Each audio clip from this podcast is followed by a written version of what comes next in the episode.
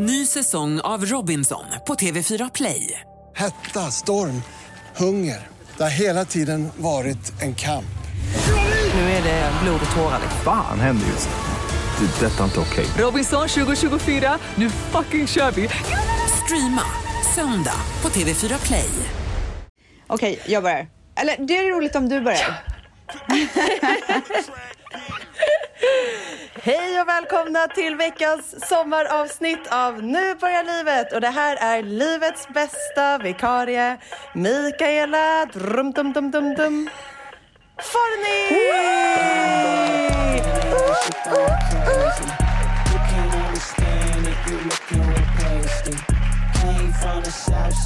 Dark and I'm Daisy. I don't give a fuck about nothing but bakery. Ja men så härligt. Och du heter faktiskt Mickis och inte Mikaela Forni i den här podden. Jag är så ledsen gumman. Men nu har ju du och jag Mangs pratat om det här med mitt smeknamn. Jag kan inte heta Mickis Men du kan eller Mix. typ det. Eller vad Alltså du kan typ nej, det. Nej, nej. Men du, eh, du är fortfarande i Spanien. Ja, jag är fortfarande i Spanien. Jag vill börja med att be om ursäkt för att det verkligen, det hördes ju att jag Ja var i men det Spanien. lät, det lät spanskt ljudet. Nej jag skojar, nu kommer folk bli så arga på mig. Du blir i och för sig cancellad för vad Men som alltså, var, varför blir man cancellad hela tiden? Nej jag ska, vi ska inte skämta om det. Men du, eh, vi hoppas att ljudet är lite bättre den här gången. Du har liksom micken nära munnen. Du sitter typ i en resväska så att vi gör liksom det bästa av det. Jag sitter ju inte typ, utan jag sitter ju faktiskt i en resväska med en gardin runt om mig. Ja. Det är så fruktansvärt varmt så jag måste ta av mig min bh Ja, nu. gör det. Så jävla legendlåt! Alltså den är Där faktiskt stod man i otrolig. Kungsträdgården när man var tonåring och lyssnade på Ja, jag var i Borås gumman, jag var i Borås. Okej, nu Åh, strippar gud, alltså. Mickis. Perfekt. Men jag kan, jag kan berätta lite vad vi ska prata om i den här podden. Så, så här brukar Ja. jag inte göra, men jag tänker att det kan vara kul att veta innehållet innan. Vi ska alltså prata om vad vi har gjort i veckan. Vi ska också prata om eh, den här Youtube-videon som jag släppte. Vi ska prata... Åh oh, gud, vet, ni kan aldrig fatta.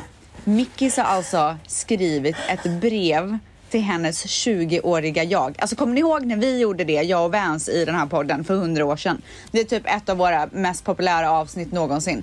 Mickis fick i uppdrag av faktiskt en tvättis att göra detsamma. Så att det ska vi lyssna på sen och så massa annat kul. Nu kör vi!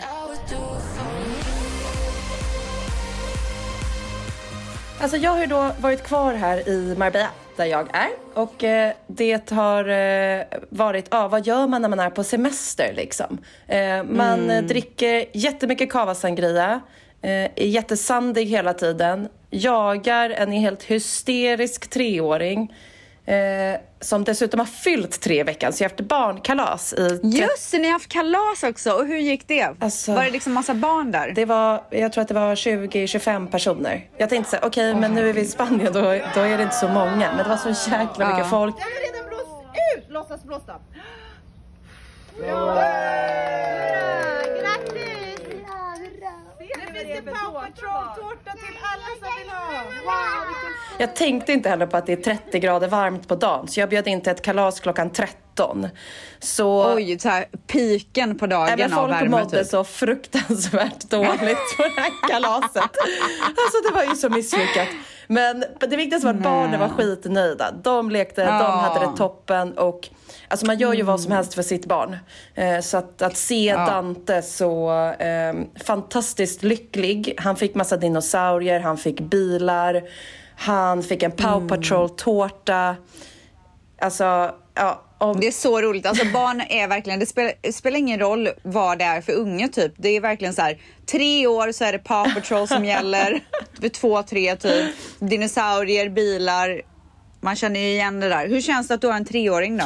Det känns eh, helt fantastiskt. Alltså, vi var ju lite inne på det förra veckan. Jag var ju inte ett jättefan av bebistiden. Så jag tycker att ju äldre Nej, är han... fan ingen bra alltså. Ja, men ju äldre han blir, desto roligare är han, desto bättre har vi det ihop. Och ja, men han tänker så mycket och har så mycket funderingar och saker. Och det är så fantastiskt roligt att få ta del av hans spännande lilla hjärna. Ja, det, det, jag kan tänka mig att du gottar dig i det. Att ni sitter och så tänker tillsammans typ och du får förklara grejer. Åh gud, ja men det är ju så. Eh, så att, Ja. eh, ja. men det har varit eh, jättebra men också toppar och eh, dalar. precis som eh, du, som vi vet utifrån den här videon, så har du haft en eh, mindre bra vecka och av anledningar Mm. som jag inte kan gå in på så har jag också haft det. Så jag är Mm. också väldigt skör och det har varit, varit väldigt tufft senaste dagarna. Ehm, ja, och livet har Mm. hänt så att säga. Och det kanske man kan prata om någon annan gång när- Precis. när det finns, när alla är redo för det. Precis. Men eh, hur går, ni är ju också i Mar- Marbella av en anledning och det är ju att ni håller på att bygga ett hus där. Ja. Eller renoverar ett hus ni ju. Exakt. Hur går det med det? Alltså det är så fint, jag älskar mitt hus. Varje gång jag kommer dit så har någonting vad nytt härligt. hänt och så blir jag liksom Ja. helt pirrig och glad. Och när du bara distanspratar med en inredningsarkitekt och en byggfirma så känns det som att så här, de ringer ju bara när det är ett problem. Ja, och då blir man så orolig och deprimerad. Jag kände så här, vad är det jag ska komma fram till? Är det ens ett hus där? Men eh, så har jag kommit hit och det är... Det är, jag kommer ha det så bra där. Du vet, jag ser mig själv Men när, ska det, när är det klart liksom? Det är klart i september. Okej. Mm. Tänker ni att ni även ska vara där typ på vinterhalvåret också? Alltså, ni eh, vet jag inte riktigt om vi kan prata om. För att jag och Damon är inte riktigt ense om, om upplägget här. Spanien, Stockholm. Va, vadå? Nej men vad fan. Jag tycker, kan vi inte bara vara i Spanien jättemycket? Alltså jag tycker det är toppen Ja, här. Kan vi inte bara vara här i vårt det, spanska hus, dricka sangria, ha det bra. Jag kan tänka mig att börja spela golf. Alltså let's du do vill alltså this bli life. pensionär nu? nej, Nu vill vi- du liksom- men vi kan ju gå på Nej. någon nattklubb till 05 också. Men allt är Åh, så jäkla härligt här. Men han tycker liksom att någon vecka hit och dit räcker. Så vi är inte riktigt helt överens. Men är han rutinmänniska? Alltså Ja. älskar han sina rutiner? Yes. Mm. Ja, men då kan jag tänka mig att det blir jobbigt för honom att komma dit så och bara liksom bryta allt det. Precis, man märker att han och Alltså jag har ja. ju mer och mer förstått att rutiner är så jävla härligt alltså. Nej, men nice. Jag har aldrig varit sån innan. Men jag, alltså jag älskar det. Men okej, är det här någonting som har växt fram med åren för dig? Ja, ja, gud ja. Absolut. Men jag tror att det är en del av mitt kontrollbehov. Min OCD som jag inte har. Jag skämtar om att jag har det. Jag vet man får inte skämta om sjukdomar men vad fan, lätta upp stämningen lite. Jag har, jag vet, det är ju någon, jag har ju någonting där så här, det, jag måste ha liksom kontroll över typ vart saker ligger, att det är ordning och reda, att saker och ting äh, ska vara på ett visst sätt. Och det blir liksom starkare och starkare. Och absolut, det är ingen bra grej, men så är det bara liksom. Men då är du och Damon exakt likadana. Men tack gode gud att ni inte lever tillsammans. För kul hade det varit då?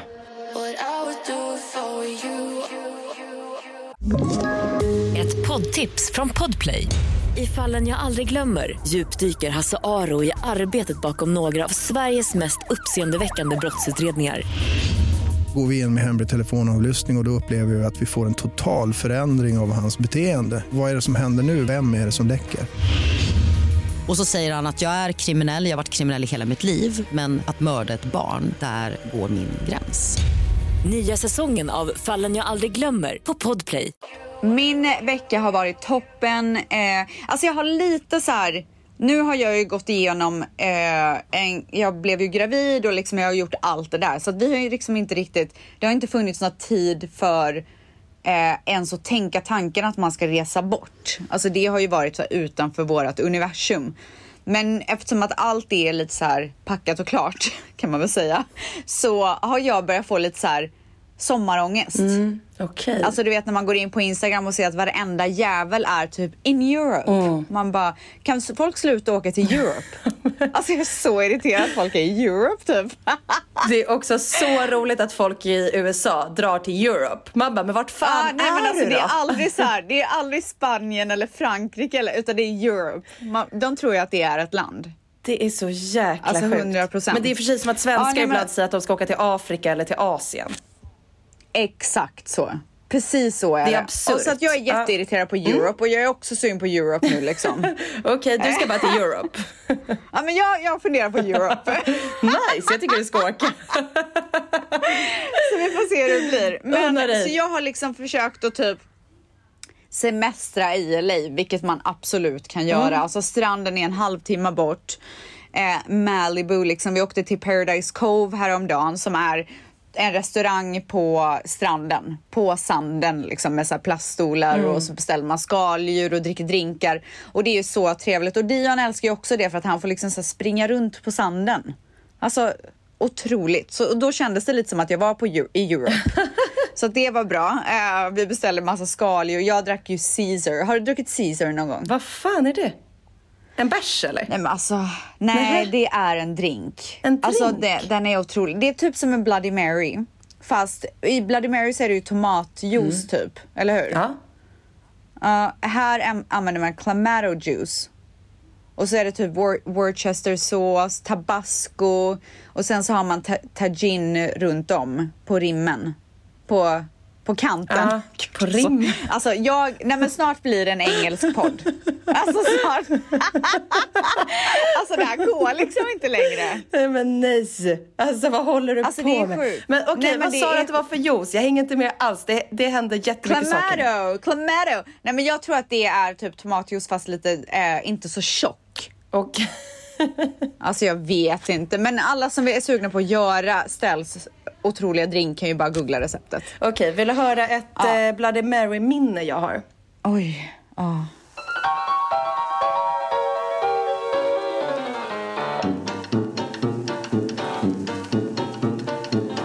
För typ tio år sedan så var jag och Dasha, som ju är vår gemensamma kompis, eh, vi skulle vara med i en drinktävling.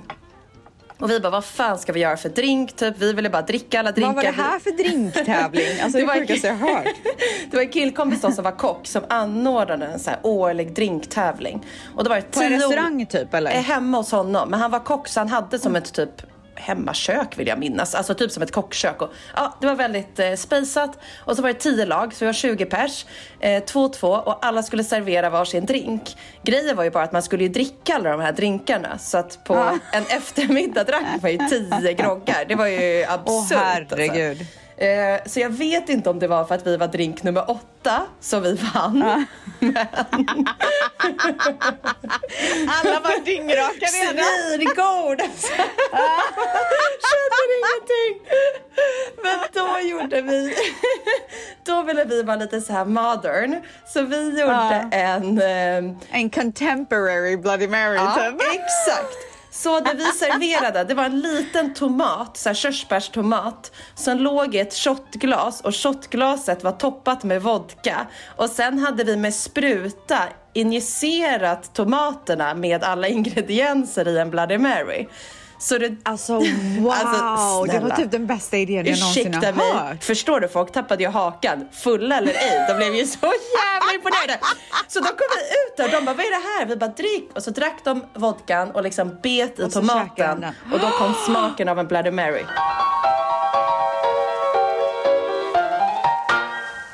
Alltså vem kom på, ta inte åt dig äran om det inte var du. Var det du eller Dasha Nej men det är som klart det var Dasha, hon är så läkarbarn liksom. Jag hade aldrig kommit Nej, på den där alltså, coola förlåt, grejen. Men hon, hon är sån jävla alltså, så partypingla. eh, alltså hostess with the mostess, det är Dasha. Åh gud, vi gjorde ju succé med den där lilla ni? moderna... Det är klart att vi vann. Vi vann ju med Vad hästlängder. vann ni då? Jag hoppas verkligen att ni fick ett pris. Ja, vi vann eh, alltså mer drinkar. Alltså det var något så här, vi skulle ut på kvällen och vi fick något drink. Jag kommer Ja, inte ihåg. Ni fick så drinkbiljetter typ. Eller hur? Två drinkbiljetter på. Sturecompagniet. Men går man tillbaka till min vecka. Eh, igår, nej förrgår så var vi på Providence. Jag är precis, alltså för alla ni som lyssnar på den här podden, om inte ni följer mig på TikTok så blir jag fan sur. Alltså jag lägger ner så mycket tid. Jag vloggar varje dag på TikTok. Men nu måste jag börja följa dig. Nej men alltså det är en ny vlogg varenda dag. Man får en inblick i mitt liv som man aldrig har fått förr. I och för sig i podden men. Nej men det, Vad- vad det, alltså, om visar jag du får då? säga det själv. Vad är det du... Nej men allt, Ah. allt. Nu till exempel så fick man ju följa med till Providence som då är så här en Guide Michelin otrolig lyxrestaurang i LA. Två stjärnor har han. Mm. Oj. Nej men alltså det är så lyxigt. Alltså det är så lyxigt. Så kommer vi dit och vi har bokat chef's table vilket innebär att man sitter ju helt privat Ja. och eh, i vägg i vägg med köket som bara är en glasdörr emellan. Så man ser ju exakt vad de gör Hur där. många var ni då? Fyra. Fy fan vad mysigt. Du Så vet det var jag, Manny och ett annat par. Fyra det är det perfekta antalet när man ska gå på fine dining.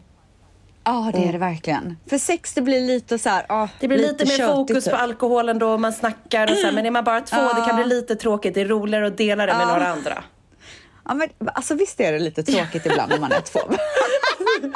Alltså jag älskar dig älskling men liksom. Men liksom nu har vi gjort det här några gånger typ. Nu har vi pratat framtidsdrömmar 557 gånger. Men, eh, nej, men det var otroligt. Alltså de, maten där är ju... Sen så, har, så öpp, när jag öppnade menyn så var det en bild på en krabba typ på vänster sida.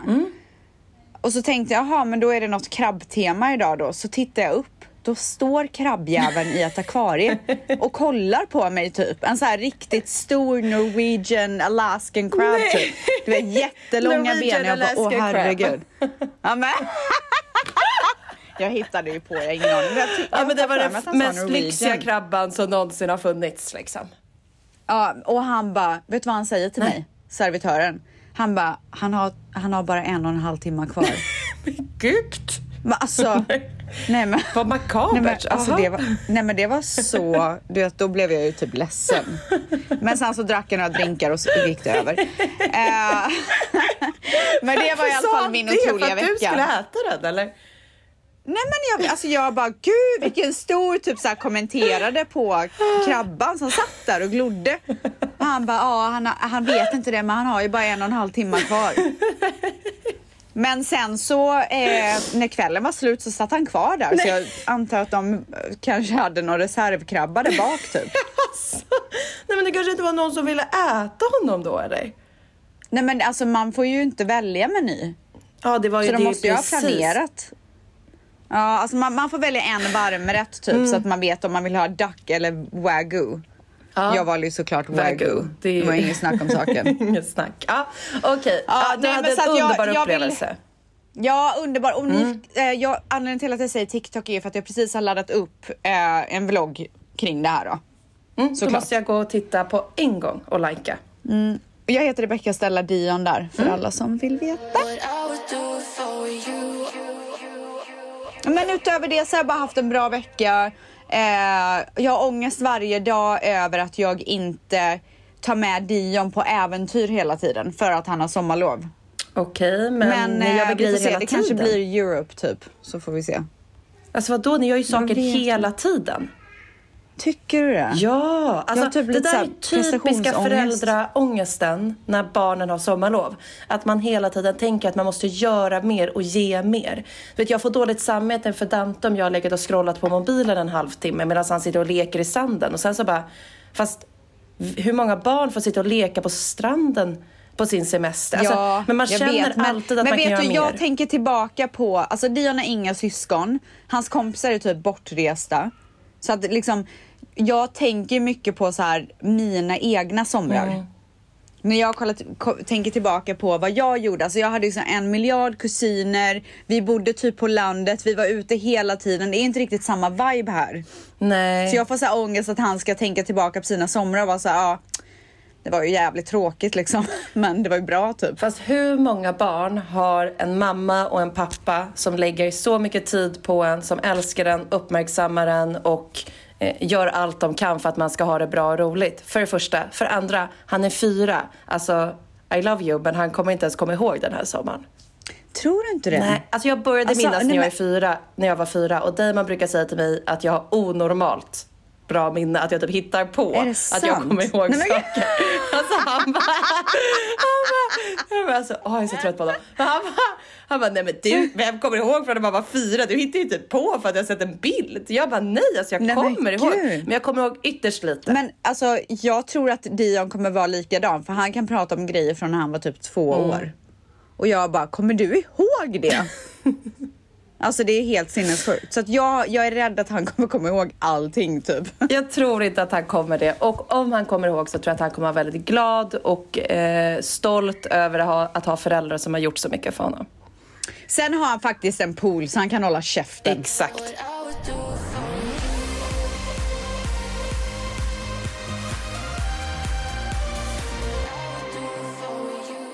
Okej, men du har haft en fantastisk vecka men det har också varit mycket känslor för du publicerade ju den här videon i veckan. Exakt. För, för er som inte har sett eh, den här videon, den finns på min YouTube-kanal om ni är nyfikna. Mm. Men vi har ju gått igenom en jäkla resa, jag och Manny. Eh, jag, vi hade, har haft lite problem med att bli, bli gravida igen och vi har försökt ett väldigt bra tag. Jag har inte riktigt varit redo för att prata om det här i podden eller någon annanstans där det är offentligt för att jag har liksom försökt att hitta mig själv i det här. För jag, du vet som man alltid är med så här olyckliga grejer så tänker man ju alltid så här att det är skithemskt för alla som går igenom det men att det ändå inte så här, det, in, man har lite en så här attityd där med att det kommer inte hända mig. Speciellt inte efter att man blev, alltså jag blev ju gravid direkt med Dion. Så jag har alltid känt väldigt mycket för kvinnor som går igenom det men jag har inte riktigt förstått det för att jag själv inte har gjort det och för att det har känts så långt ifrån mig. Men nu när jag själv har gått igenom en jäkla resa så har jag behövt att hitta mig själv i den och veta så här, vem är jag i det här? Hur ska jag bemöta allt det här och framförallt hur ska jag prata om det? Precis. För att jag har hela tiden vetat att jag kommer att vilja prata om det för att jag vet att det är så många som går igenom samma saker. Men jag har bara inte vetat hur. Men nu vet jag det. Eh, så att nu har jag öppnat upp mig. Ehm, och för typ två år sedan, nej, lite mindre. Vi, vi försökte alltså ett ganska bra tag och sen så bestämde vi oss för att testa insemination, vilket heter IUI här i USA. Och det betyder alltså att man tar typ spermierna och läkarna kollar, de gör ultraljud för att se exakt när man har ägglossning och så stoppar de upp det så långt de bara kan. Mm. Och det är typ det man kan göra innan nästa steg är IVF. Och med tanke på att så här, jag ändå inte är svingammal än och jag blev gravid snabbt med Dion och vi har kollat både mig och Manny så är liksom allting okej. Allting är bra så vår läkare rekommenderar oss att testa det först innan vi gick över till IVF. Så att vi gjorde det en gång och sen så olyckligt nog typ samma dag som jag gjorde det så blev jag ju väldigt sjuk. Så att jag åkte in och ut eh, mellan akuten i, under några dagars tid. Det här kommer säkert ni ihåg som lyssnar på podden. Eh, och sen så visade det sig att min sköldkörtel var eh, superinflammerad eller vad man ska säga. Så att ända sedan dess och typ ett år framåt så har jag ju jobbat med att försöka eh, få mina nivåer att bli okej så att jag fick ett go från läkaren att börja försöka igen. För att man får För inte försöka få barn när man har problem med sköldkörteln. problem med Ja, sköldkörteln. exakt. Nej, exakt. För att eh, eh, risken för missfall är svinhög. Mm, okej. Så, att, eh, så att det som ni då inte har vetat är att i samband med att jag blev sjuk i sköldkörteln så gjorde jag också insemination. La, alltså det kostar jättemycket att göra det varje gång. Man går också igenom en jävla resa med hormontabletter och det var en, en spruta i magen och allt vad det är. Så, att, så det var liksom dubbelt så jobbigt för mig under den perioden. Eh, och sen så blev äntligen mina nivåer bra igen. Och vi fick tummen upp av läkaren. Jag bytte faktiskt läkare den här gången för jag kände så här, den förra läkaren som jag gick till, alltså det kändes som en jävla fabrik. Det var så här in, ut, betala pengar, gött, du vet. Här i USA alltså, kostar ju allting så mycket så de är ju bara glada typ att få, betala, att få in de pengarna. Och det kändes så ohjärtligt. Alltså- Och sen så när jag, jag ringde även läkaren när jag hade blivit sjuk och var så här, kommer det här liksom förstöra, är det här all for nothing? Han bara, nej gud det är lugnt typ, bla bla bla.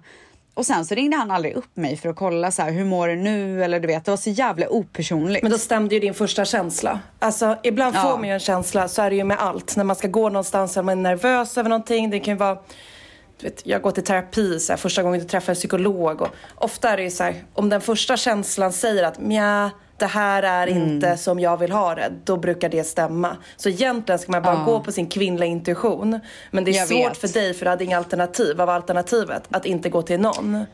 Nej, men sak, saken är så här att det är också det är också ganska svårt när det inte är på ens egna språk. Ja. Alltså det blir liksom en eh, någon slags, man, man kommer liksom till någon slags vägg där det är så här, okej jag måste bara lita på att de kan sitt jobb typ. Eh, det är konstigt för man får inte samma känsla när det inte är på svenska. Även fast jag pratar flytande engelska och liksom har inga problem med det överhuvudtaget. Det är inte samma grej. Nej, jag förstår. Speciellt inte när det börjar bli medicinskt. Men det som hände var ju att min... Jag går ju till en otrolig... Eh, eh, det, här i USA heter det OBGYN. Och det är alltså en barnmorska typ, men man har samma hela tiden. Så den barnmorska som man börjar gå till, det är också den som förlöser ens barn. Det är otroligt. Sen förstår jag Mm, att det så kostar de jättemycket liksom pengar hela- här. Men Ja, stor skillnad från hur det är hemma ju. extrema Mm. summor, men det är eh, också så här värt det typ. Ehm, men så att hon hade, när, jag, när vi började diskutera insemination så skickade hon tre olika läkare till mig. Mm. Och jag ringde upp alla tre och den som jag fick tid på först gick jag hos. För jag hade ju, du vet så här, jag litar ju på hennes rekommendation. Men då var, en av de tre var ju han som jag gick till. Och sen så nu när det var dags igen så räknade jag bort honom Ja. för jag gillade inte honom. Och då hade jag två stycken att välja mellan. Så en var en tjej och sen så var en annan en man som heter Andy Huang.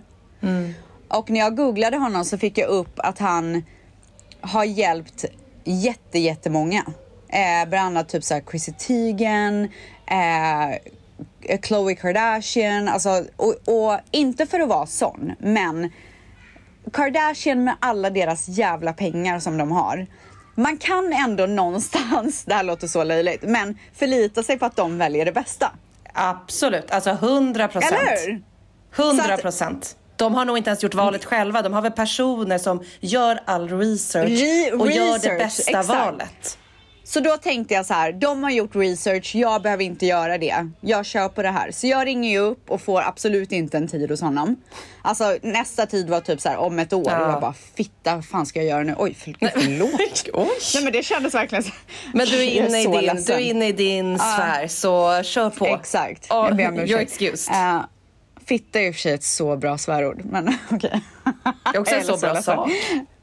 Men alltså, alltså så bra grej överhuvudtaget. Nej men, ehm, så jag ringer upp min OBGYN igen och jag bara, gumman, du måste lösa en tid där. För nu, jag testade en av dina rekommendationer, det var vidrigt. Lös det bara liksom. Och hon bara, no problemo. Så hon fixar så att jag får en tid och får, kom, får prata med honom redan så veckan efter. Oj, no problemo. Vad är det för magisk Alltså no problemo typ. Ah! Nej men gud, I love her! No Nej, problemo hon är otrolig. Stels. I got Ja, this hon for är you. otrolig. Nej men så att han ringer, mig, ringer upp mig så vi har ett Facetime-samtal först. Mm. Där han berättar om mina options. Så option nummer ett är så här, du är fortfarande ung. Insemination kan funka. Du har gjort det en gång, vi kan testa två gånger till. Då har du gjort det tre gånger och vetat att du har gjort allt vad du kan innan du går över till IVF. Eller så går vi raka vägen till IVF. Då är är ris- eller chans, inte risken, chansen är typ 65% istället för IUI som är typ 20%. Alltså att det ska funka. Så, och plus att så här, då fryser vi också ner dina ägg om du har extra så att ifall att du vill ha ett barn till så är, kommer det vara en mycket enklare process. Bla bla bla bla bla. Ja, och eh, IVF här i USA är ju typ så här 250 till 300 000 kronor. Det är väldigt. Vänta du, jag ska bara säga åt min svärfar Ja, som ja. springer runt och skriker med Ja. min son där bak. Vänta.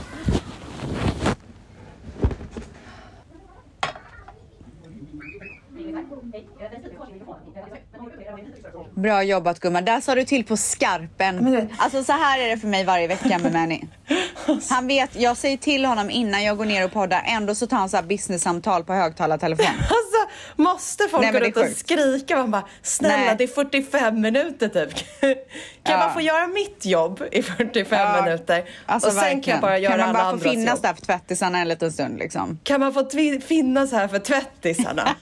Kom igen nu för fan, jag är vikarie, jag måste göra ett bra jobb. Ett poddtips från Podplay. I podden Något Kaiko garanterar östgötarna Brutti och jag, Davva, dig en stor dos skratt. Där följer jag pladask för köttätandet igen. Man är lite som en jävla vampyr. Man har fått lite blodsmak och då måste man ha mer. Udda spaningar, fängslande anekdoter och en och annan arg rant. Jag måste ha mitt kaffe på morgonen för annars är jag ingen trevlig människa. Då är du ingen trevlig människa, punkt. Något Kaiko, hör du på Podplay. Därför är gardinerna. Ja, men eh, IUI, Mm. jag vet att folk älskar att höra priser så jag kommer berätta. IUI kostar typ 30 000 svenska kronor, Mm. give or take. Nu fick vi ju betala betydligt mycket mer för att det var så mycket extra eh, blodprover och ultraljud och allt möjligt som behövde göras med tanke på att jag gick igenom vad jag gick igenom. Men det är i alla fall så här startpriserna typ. Ja, men så att när han berättar det här för mig så känner jag att så här, för det första svindyrt. Eh, för det andra, man kanske inte ska typ så här. Eh, jag kände väl någonstans att jag vill inte ha det som medicinskt om jag inte behöver. Jag förstår. Det kändes som en sista utväg med IVF. Jag, vill, jag vill känna att jag har gjort allt först för att bli gravid. Så att vi bestämmer oss för att göra insemination, IUI, igen. Vi gör det en gång, funkar inte. Skitbesviken såklart. Eh, också så här, ta sån jävla tid, åka fram och tillbaka, blodprov, ultraljud, hämta tabletter, käka tabletterna, spruta i magen. Alltså, det är liksom en jävla rollercoaster av att man lägger ner tid, pengar, hormonellt, man blir bloated. Alltså, du vet, det är liksom inte kul. Nej, men så att vi gör en gång, funkar inte och sen så bara, vi kör en gång till och den här gången ska det fan funka annars så blir nästa steg IVF. Ja. Så att vi gör det och jag efteråt när det typ är dags så börjar jag Alltså jag har, de säger så här, du kan ta eh, pregnancy test om tio dagar. När jag har, eh, när jag har gjort det. Jag bara okej. Men jag börjar väldigt snabbt känna mig gravid. Helt sjukt. Man har ju varit gravid en Ja. gång innan så att man, man du vet, jag tror att också att det känns och syns snabbare när man redan har varit gravid Det en tror jag gång. absolut. Alla ens tjejkompisar med barn nummer två, inte alla såklart, men många, Ja. fick ju symptom Ja. tidigt, mage tidigare Ja, än gången innan och ja, allt märktes Nej, men så snabbare. att jag Mm. märker det på samma dag på grund av två grejer. Den ena är, vi ska åka upp till en eh, crystal eh, store, crystal affär, förlåt, som ligger typ uppe i bergen. Som är helt otrolig. Jag har lagt upp den på min Instagram flera gånger så att ni vet nog vad jag pratar om. Men på vägen dit så är det lite så här kringelikrokar. Man åker typ upp i bergen. Jag är inte illamående, men jag känner typ en så nervös butterfly-känsla i magen. Jag bara, hmm, det här känns speciellt. Ja. Säger det till Manny. Han bara okej. Sen så efteråt så ska vi gå och käka sushi och jag beställer in eh, någon så här citron, alltså jag dör ju för citron. Mm. Så jag beställer in någon så här citron, eh, någon sushi, lax med citron bla bla. Alltså när det kommer in jag bara Bleh. Alltså ta det här ifrån. Jag var tvungen att gå ut och sätta mig i bilen och andas. Nej. Men jag bara, du är gravid 100%. Så att jag, från den dagen, det är ganska, då är det typ så här sju dagar efter. De har ju sagt att jag kan göra test tio dagar Mm. efter. Så från den dagen så gör jag typ så här tre dagar i rad tester. Och alla tre har ett svagt streck. Men jag vet också att jag har gjort de testen innan och det har varit ett svagt streck och så har det inte varit någonting. Och jag vet att jag är dum i huvudet som köper samma test igen. Som Ja. visar så här falskt pos- positivt. Men jag gör det för att när jag tar de testen och det är ett falskt positivt så har jag ändå hopp. Alltså det är så Ja. konstigt. Men man blir Men jag- lite konstig av att vilja ha barn. Man, Man gör ju knäpp. konstiga Ja, saker. Så att, jag tror alla Exakt. som har försökt få barn och velat och kämpat kan känna igen sig i det. Ja, nej men så att jag eh, och, och så eh, jag går och hoppas och sen så eh, en morgon när jag vaknar så tänker jag så här. Jag ska åka och köpa ett digitalt test nu för nu är det dags. Nu vill jag bara veta. Och den morgonen så går jag på toa och när jag torkar mig så är det blod på pappret. Och jag bara helvete min mens är här. Så jag blir så jävla, alltså du vet jag typ kastar grejer i väggen och jag blir så jävla förbannad. och då eftersom att vi visste att så här funkar det inte den här gången så börjar vi IVF typ samma dag. Så jag bara, jag åker till apoteket för att hämta ut mina tabletter som är redo för mig för att påbörja min IVF-resa. Men samtidigt säger jag så här, fan jag ska också köpa ett digitalt test, jag måste bara göra det. Och då är det så här dag nio typ. Dag tio så kunde jag ju ta testet. Så jag går in på toaletten, jag är så säker på att det ska vara negativt. Jag går in på toaletten, gör det och det är fucking positivt. Det står yes och ett plus. Och jag bara live! Du vet så här, jag blir så jävla glad och vi, du vet alltså vi bara så här ringer våran familj med en gång och bara fan det här är inte sant liksom. Och jag mejlar läkaren och skriver så här, hej, så här, jag fick ett positivt, bla bla. De bara, kom in så snart du kan och gör ett blodprov. Så jag åker in och gör ett blodprov. Eh, och då ska jag få reda på svaret på kvällen. Och jag märker på dem att de är så här, inte så jävla positiva. Nej. Jag bara, fan det här är en skitbra grej. Jag har ju blivit gravid. Kan ni vara lite glada liksom? Är det här också en fabrik? Du vet, jag blir så irriterad. Men de har ju säkert varit Sen med så- om det här också tusen gånger innan och att någon blir Exakt. glad och så kanske inte alltid behöver betyda något. Och De är nog försiktigt hoppfulla medan du bara Exakt känner så. glädje att så här, äntligen. Jag liksom. känner ju såhär, nu är jag gravid, nu kan ingenting hända typ. Nu, det gick, typ så. Ja.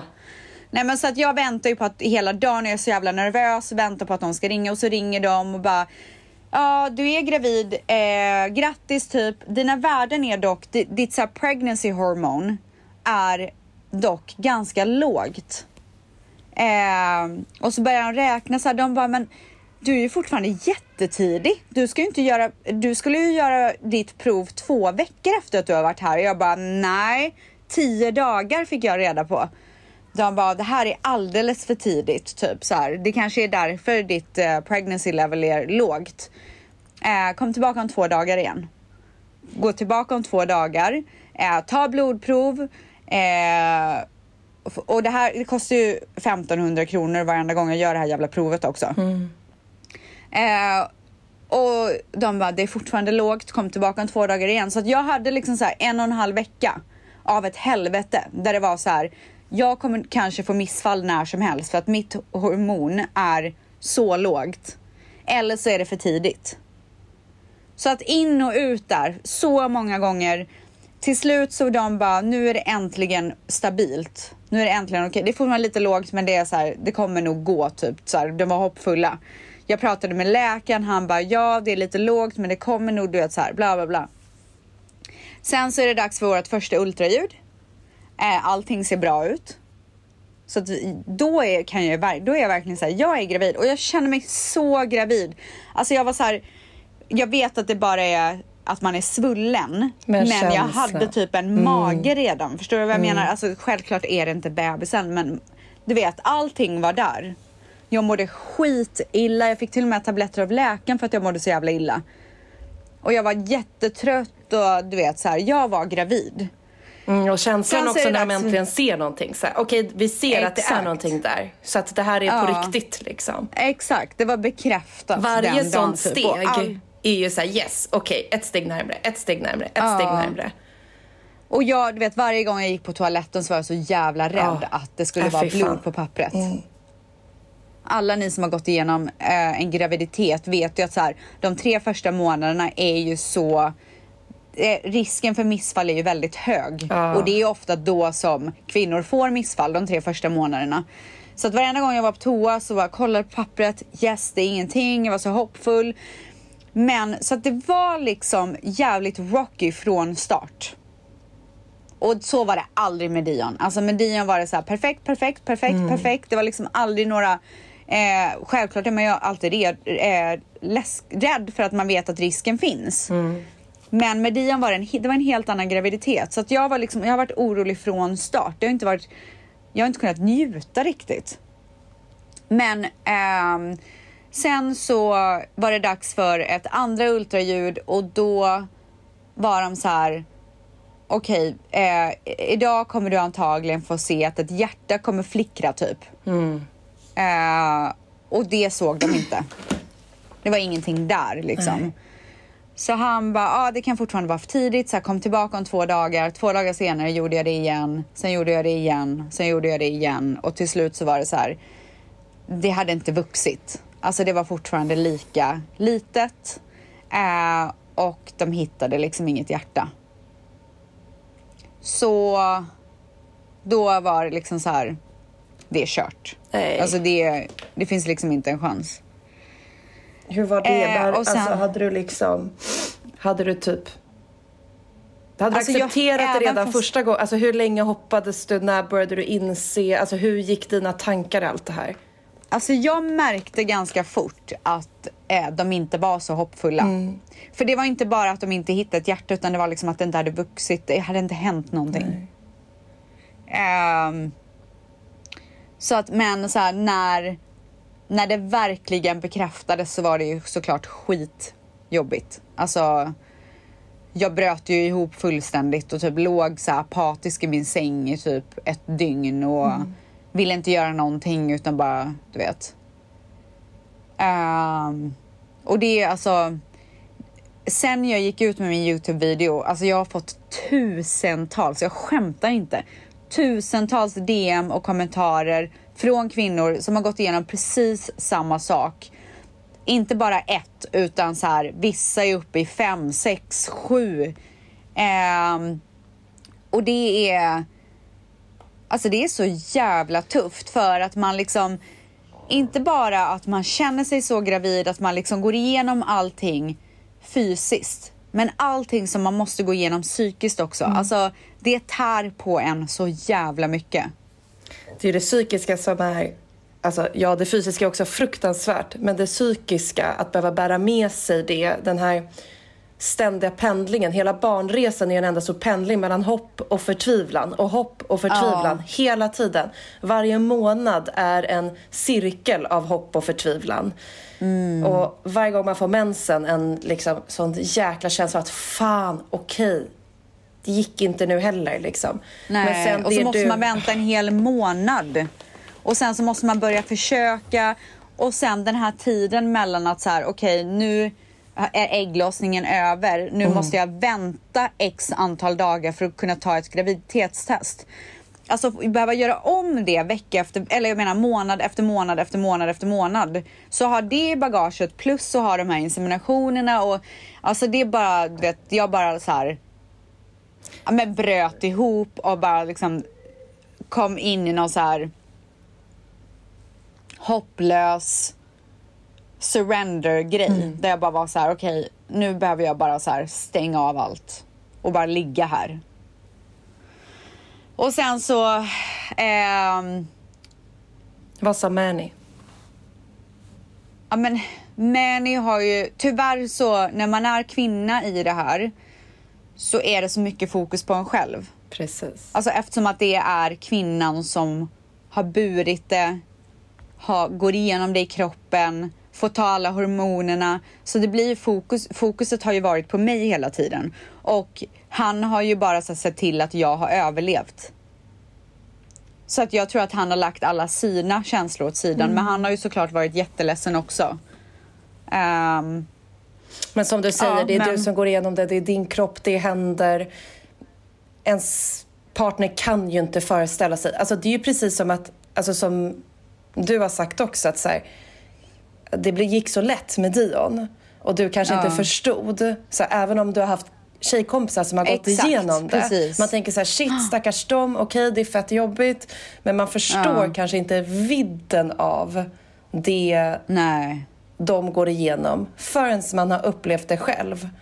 Nej. Och då kommer det förståelse, ödmjukhet, skörhet, respekt. Alltså allt det kommer Mm. liksom att säga fy fan. Och som du Mm. säger, alltså jag har ju sett kommentarerna på din Youtube-video. Alltså det river i min kropp för att jag tycker så Mm. synd om alla kvinnor som bara det enda man vill ha det är liksom en bebis och det går så Mm. lätt för vissa människor och så är det så jäkla svårt för andra och det är så orättvist att det måste vara så. Mm. Ja, nej men det är fruktansvärt. Och, men, och det var just därför jag ville publicera den här Mm. videon för att jag vet och framför allt nu efter att jag publicerat den, herregud jag är så glad att jag gjorde det för att det är så många som har skrivit till mig så här tack, alltså från djupt av mitt hjärta tack, jag känner mig mindre ensam. Och och få de meddelanden så har det varit 100% värt att lämna ut sig på det sättet. Hur kändes det när du publicerade? För det är ju inte självklart att... Alltså de flesta Nej, väntar alltså jag kunde ju. inte, ja, alltså jag kunde inte sova natten innan. Nej. För jag var så jävla nervös. Eh, just för att så här, det här har varit någonting som jag har gått och byggt upp under så lång tid eftersom att jag inte har gått ut med det här. Så att, eh, och jag var så eh, orolig för hur eh, hur alla som skulle se den skulle ta det. För att det var ju verkligen så här, alltså jag gjorde det samma dag jag kom hem och för, från att ha fått eh, ett ganska så tungt besked. Jag var hemma själv, jag bara satte mig i soffan, tryckte på räck och körde. Alltså det här är inte någon så jävla omtagning och det är inget. Det här är verkligen så här från mitt hjärta så sitter jag och pratar och sen så när jag var klar så tryckte jag på stopp och så skickade jag den. Men det ser man i videon. Jag har inte alltså, man ens ser att det kollat bara är på du. den själv. Ja, nej, men man, Ja. ser, man, man ser att det bara är du som sitter där i soffan och pratar. Eh, Ja. och, Och jag ditt- skickade den till typ så här ett par vänner innan. Eh, bara för att så här, är det här okej? Säger jag något dumt? För Mm. jag kunde inte så kolla på den själv. Eh, och jag var så rädd också att jag skulle trampa någon på tårna. Att jag skulle säga någonting som var så här, men alltså det där är ingenting mot det här typ. Men allas resa är ju olika så att man ska ju inte heller jämföra. Ja. Men jag vet ju också hur hårt klimatet är. Fast grejen är att det Så finns jag- säkert någon som tycker att man, du trampar den på tårna. Det är klart att det finns någon som har försökt mer, som har eh, haft det tuffare i sin resa, som Mm. har eh, behövt gå igenom det här fler gånger. Självklart finns det det. Det kommer alltid finnas någon som har gått igenom någonting, tu- någonting tuffare. Men det är din Mm. resa och det var den du delade med dig av. Eh, Mm. Och jag tyckte att den var, hela videon var väldigt skör och ödmjuk och jag tyckte man så här, ömmade väldigt. Alltså jag kunde knappt sätta på innan jag bara började ja, nej. tokgråta. Ja, men, men som sagt så här. Det, det var jävligt nervöst, det var jättejobbigt att lämna ut sig på det sättet men alltså så värt, jag hade gjort det tio gånger Ja, det är så. Jag är jätteglad att jag gjorde det jag är faktiskt väldigt stolt över mig själv att jag gjorde det också. Det ska det Eh, vara. det känns som att så här, det är ett nytt kapitel i mitt liv av och vara, våga vara mycket mer mänsklig. Mm.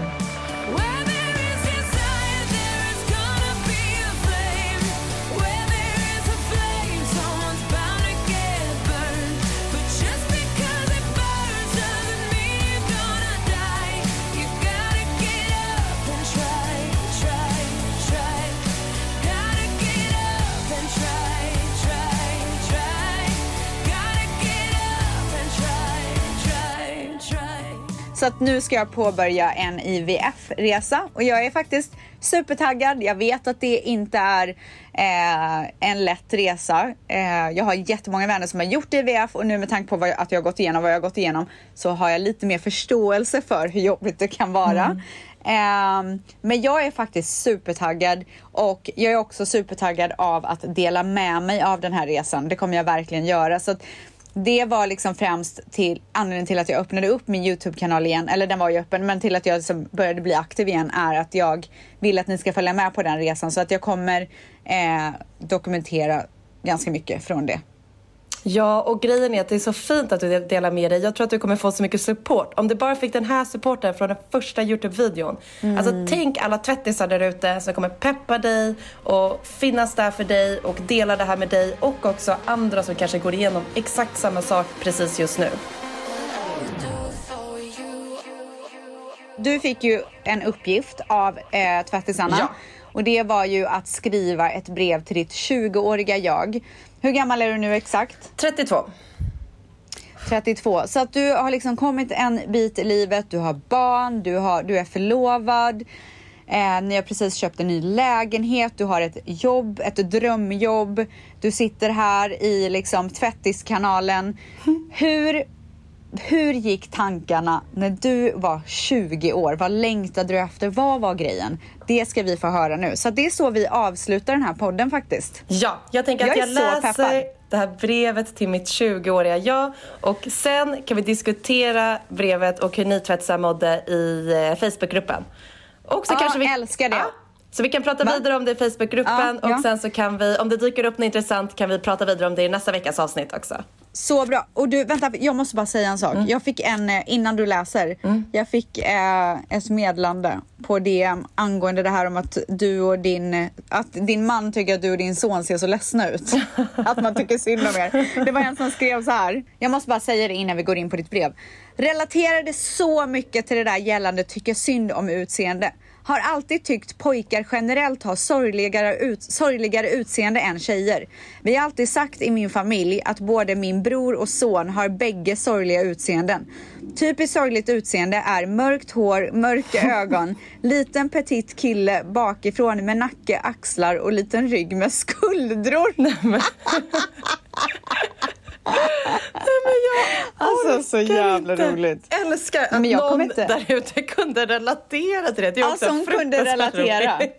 Ja det var så otroligt. okej, men bra. du nu Eh, kör nu vi. det. Mangs. Mitt brev- Ja, nej vänta, vänta, vänta. Vänta, vänta, vänta. Mangs. Alltså nu behöver vi sån stämningsmusik Mm. så att det liksom, alltså kör nu bara. Bring Okej. it on baby. Här kommer mitt brev till mitt 20-åriga jag.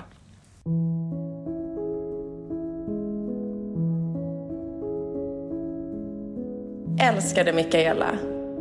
Du famlar i mörkret med tron om att du är ensam. Men alla andra famlar också. Det där mörkret du håller på att ta dig igenom, det är bra att du gör det nu. För det rustar dig för framtiden, när större sorg kommer att komma din väg. Den där killen som du tror har förstört ditt liv, du kommer knappt att minnas hur han ser ut när du är 30 something.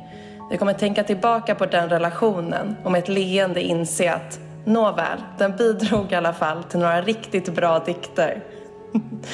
Om bara tre år kommer du att träffa en man som visar dig hur riktig kärlek ska vara. Någon som respekterar dig och alltid sätter dig i första rummet.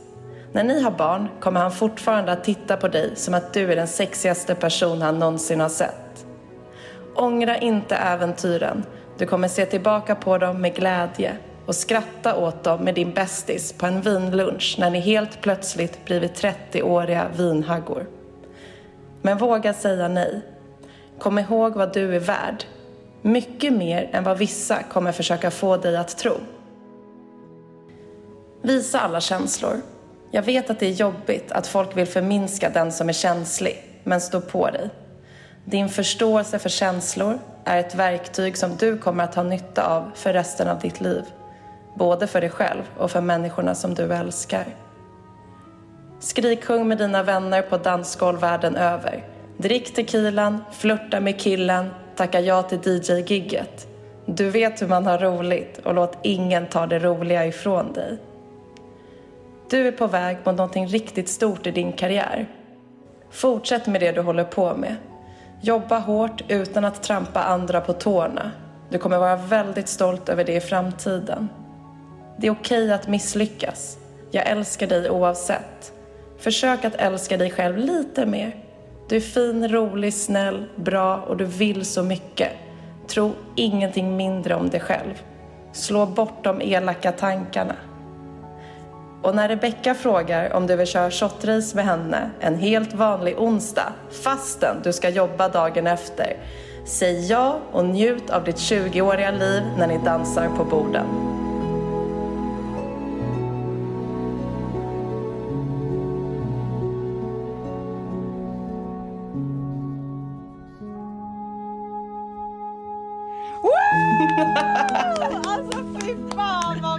Åh, herregud jag rös under hela...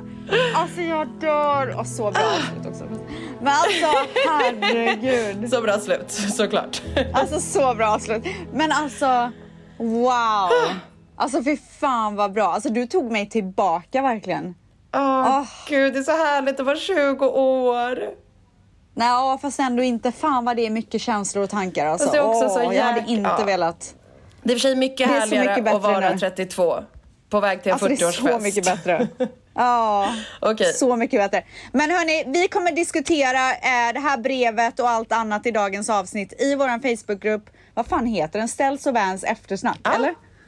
Ställs heter? För jag Vans säger fel och alltid. Mix, eftersnack, gummareligionen, också. Mangs. Nu kör vi. Vi ses i Facebookgruppen. Ciao! Vi ses i Facebookgruppen. Puss puss! Brown can't understand it, you looking real pasty. Came from the south side, dark and I'm Daisy. I don't give a fuck about nothing but bakery. Brown boy popping and that shit going. Never seen a brown motherfucker double dip like this. Ett poddtips från Podplay. I podden Något Kaiko garanterar östgötarna Brutti och jag, Davva, dig en stor dos skratt. Där följer jag pladask för köttätandet igen. Man är lite som en jävla vampyr. Man har fått lite blodsmak och då måste man ha mer.